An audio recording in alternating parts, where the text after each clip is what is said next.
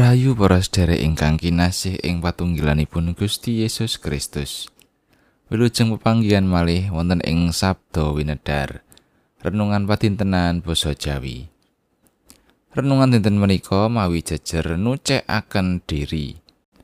Kita kaemotaken supados tansah jagi gesang, supados tansah suci kados dene Gusti Allah ingkang suci. Monggo kita ndedonga langkung rumiyin. Gusti Allah Rama kawula ingkang dedambar ing kraton swarga mulya.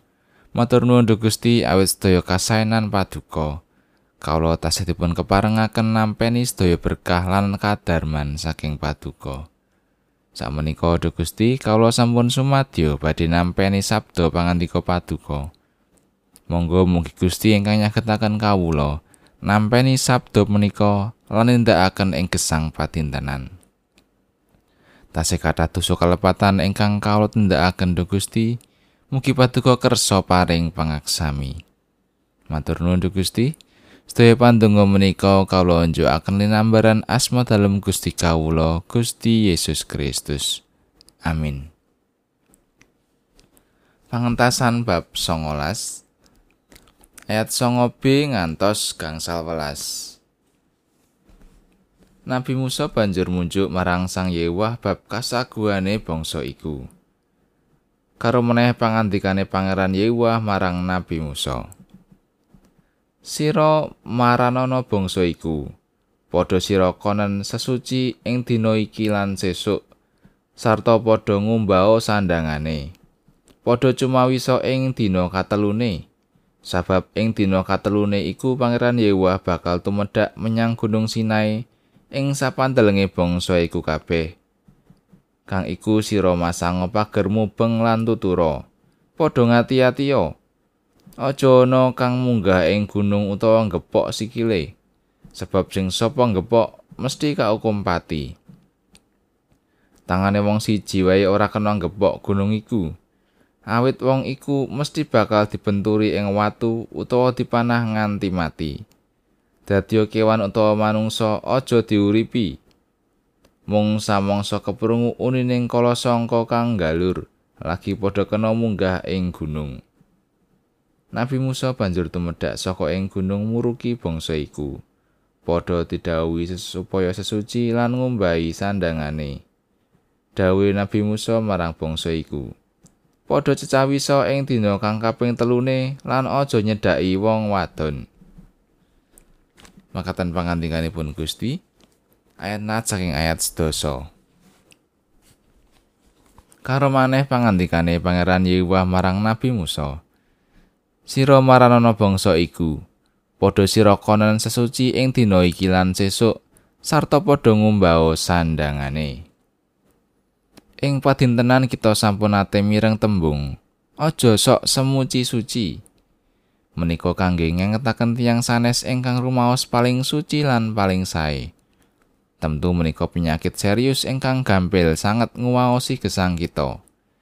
Nalika kita rumaos dados tiang ingkang tansah ngabekti, kathah tumindak sae mboten tumindak awon. Rumaosipun sampun cekap dadosaken gesangipun paling suci piyambak menawi katandingaken kalian tiang sanes. Pancen, menika setunggaling pambudidayaning gesang kita kangge nyandak kasucen. Prayogi mboten gumunggung lan nganggep tiang sanes mboten suci lan mboten leres. Namung dirinipun ingkang suci, mila mboten pantas rawung kalian tiang sanes. Nabi Musa lan bangsa Israel ingkang sampun nampeni pitulunganipun Gusti, teman saged luar saking pangawulan kemawon tundanipun boten dadosaken dumawah ing sikap rumaos paling suci. Ananging tasih kedah budidaya nucikaken diri kados ingkang kadhawuhaken dening Gusti Allah lumantar Nabi Musa. Budidaya nucikaken diri kangge pacawisan ing samangke badhe pepanggihan kalian Gusti Allah ingkang suci wonten ing Gunung Sinai.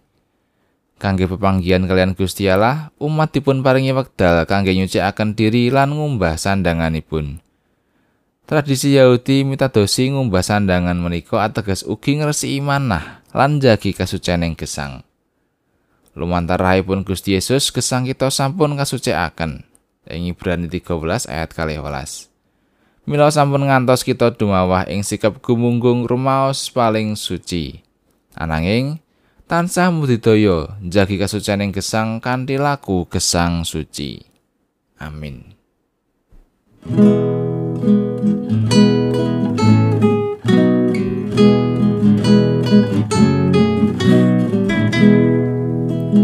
Doa lama kuasa kanthi trusing driya kawula langsani dosa. Mugi ngapunten sarta nucekaken temah gesang kula ayem. Pinujo sang rama sang putra jumeneng pamarta